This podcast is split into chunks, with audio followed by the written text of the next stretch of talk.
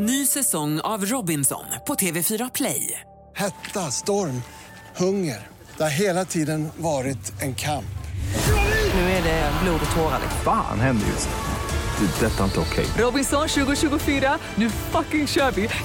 Streama söndag på TV4 Play. Du lyssnar på en podcast från Expressen.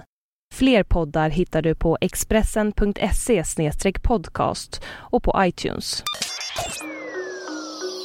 Hajfens soppa med en bitter eftersmak. Det här är Expressen Dokument, ett fördjupningsreportage om maträtten som kräver en årlig slakt av 73 miljoner hajar av Johanna Ekström. De som har ätit det säger att det knappt smakar någonting. Trots det är hajfens soppa sedan århundraden en statusmarkör i Kina där fler än någonsin nu har råd med den exklusiva matvaran. Men det plågsamma sättet som hajarna jagas på har gjort att handel med hajfena förbjuds på allt fler platser. Senast idag i Kalifornien. Och även i Kina kan en attitydförändring till den kontroversiella maträtten anas på sina håll.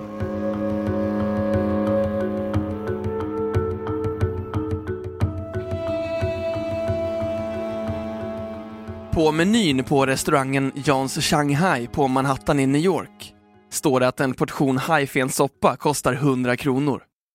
Men när Expressen frågar om den är populär säger hovmästaren att de, menyn till trots, inte serverar någon hajfensoppa längre. Även om det är sant eller inte, enligt miljöorganisationer är det här svaret som en del kinesiska restauranger ger som standard, så är hajfensoppa kontroversiellt. Flera organisationer har i åratal påpekat den grymma död som hajarna utsätts för i samband med fisket. Fenorna skärs av på de levande hajarna som sen släpps ner i havet igen, där de antingen långsamt drunknar eller förblöder. Enligt olika uppskattningar slaktas 73 miljoner hajar årligen på det här sättet. Något som också har lett till att förekomsten av vissa hajarter har minskat drastiskt. Men att äta hajfensoppa är en djupt rotad tradition i det kinesiska samhället. I århundraden har de rika serverat det vid högtidliga tillfällen. Judy Key är talesperson för Asian Pacific American Ocean Alliance, en organisation som kämpar för hajarna. Hon berättar för Los Angeles Times att när hon växte upp i Hongkong så serverades det alltid rykande hajfensoppor vid bröllop födelsedagar och när familjen hade speciella gäster. Idag ser hon på hajfens soppa ur ett historiskt perspektiv. Förr i tiden, när det var en fysisk bedrift för en fiskare att fånga en haj, så ansågs det vara den ultimata symbolen för manlighet. Men det är inte rätt att slakta stora mängder hajar för en skål soppa som är uppäten på fem minuter, säger hon. I takt med att Kinas befolkning har blivit allt rikare de senaste decennierna har efterfrågan på hajfena skjutit i höjden. Idag har fler kineser än någonsin råd att unna sig delikatessen. Något som också gör hajfenshandeln till en blomstrande industri. Navet för handeln är Hongkong där hajfenor skeppas över hela världen. De senaste åren har handlarna i Hongkong dock märkt av en nedgång.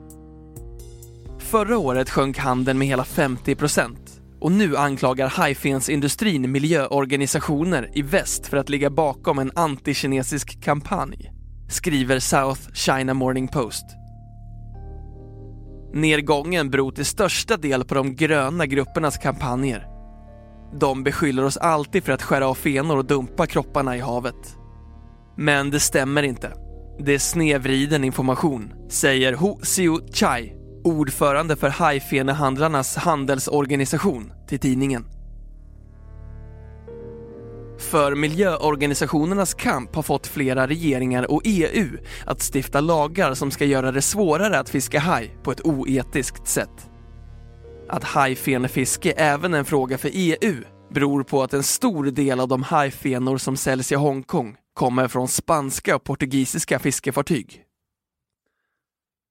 Enligt organisationen Shark Trust är 27 procent av de hajfenor som säljs i Hongkong fiskade av europeiska företag, skriver BBC.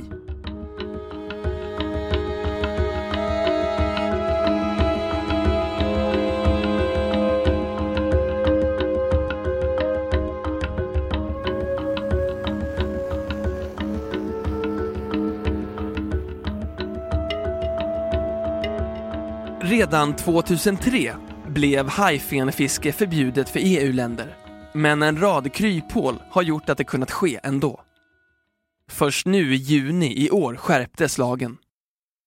Enligt ett uttalande från EUs ministerråd har hajfenefisket gjort att hajbeståndet har minskat drastiskt.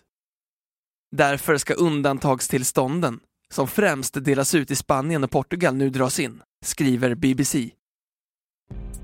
Det som vi fått igenom är att fenorna måste vara kvar på djuret. De får vikas in men de får inte skäras bort.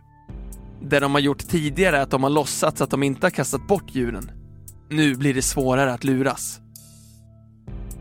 Det vore ännu bättre med ett handelsförbud, men det får vi inte majoritet för.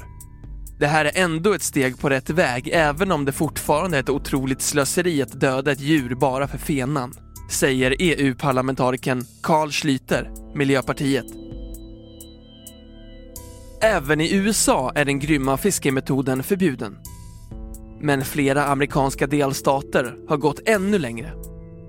Från och med den 1 juli i år är det förbjudet att både sälja och inneha hajfena i Kalifornien.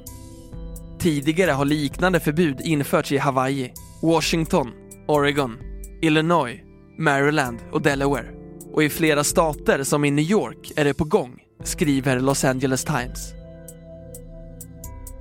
Även kinesiska myndigheter har uppmärksammat problemet. För ett tag sedan gick Kinas ledning ut med att hajfenor ska ha försvunnit helt från menyn vid offentliga tillställningar inom tre år. Men enligt miljöorganisationerna räcker det inte bara med förbud. Det viktigaste är att få till en attitydsförändring bland kineser både på hemmaplan och utomlands. Under 2006 drog därför Wild Aid igång en kampanj i USA där kända kineser som Jackie Chan och Ang Lee upplyste om det oetiska i att äta hajfena, skriver New York Times. Folk säger att det inte går att förändra Kina men jag skulle vilja påstå att inget samhälle i människans historia har förändrats så mycket som Kina gör idag, säger organisationens VD Peter Knights till tidningen. För i Kina kan en attitydförändring i varje fall anas på sina håll. I höstas gjorde den flerfaldiga OS-medaljören i simhoppning, Guo Jingjing, ett tydligt ställningstagande när hon gifte sig med sonen till en känd affärsman i Hongkong. Bröllopet var välbevakat i kinesiska medier. China Daily skrev att det varade i flera dagar och ägde rum i flera olika städer. Men också att det trots sin storslagenhet inte serverades någon hajfensoppa till gästerna. Men Carl Schlüter i Miljöpartiet tror att en förändring i Kina kan ta lång tid.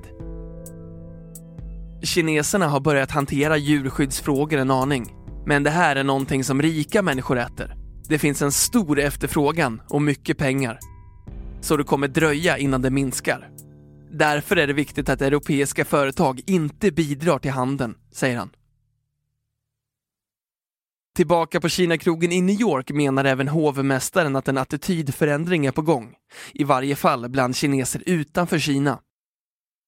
Yngre kineser förstår inte vitsen med hajfensoppa varför ska man äta något som är så dyrt när det ändå inte smakar någonting?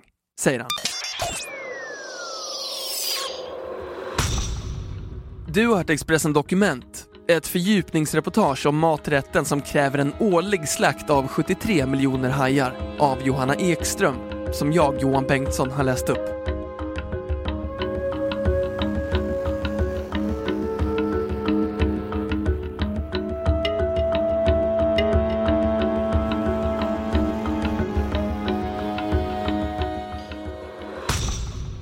Du har lyssnat på en podcast från Expressen. Ansvarig utgivare är Thomas Mattsson. Fler poddar finns på Expressen.se och på iTunes. Ny säsong av Robinson på TV4 Play. Hetta, storm, hunger. Det har hela tiden varit en kamp. Nu är det blod och tårar. Fan händer just nu. Det. är Detta är inte okej. Robinson 2024, nu fucking kör vi!